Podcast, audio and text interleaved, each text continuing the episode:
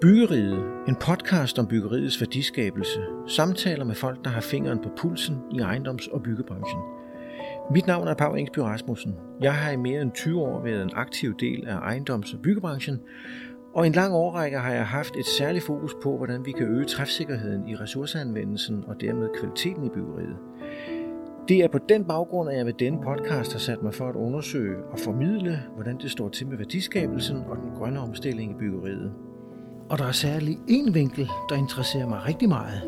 Og det er det meget store spil, vi hvert år producerer, når vi bygger og renoverer.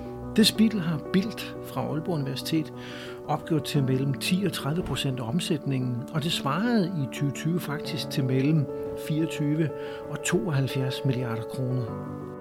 Jeg er forundret over, at vi år efter år bliver ved med at ramme så skævt på skiven, og jeg er derfor nysgerrig på at få belyst, hvad det skyldes, og hvordan vi om sider kan komme i gang med effektivt at reducere spillet.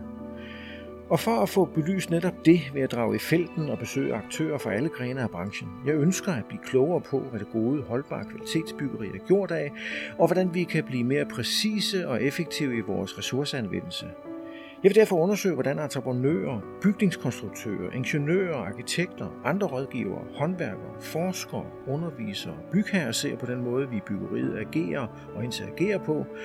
Og jeg vil skabe fokus på, hvordan vi sammen kan blive bedre til at gøre det rigtige rigtigt første gang, når vi bygger og renoverer.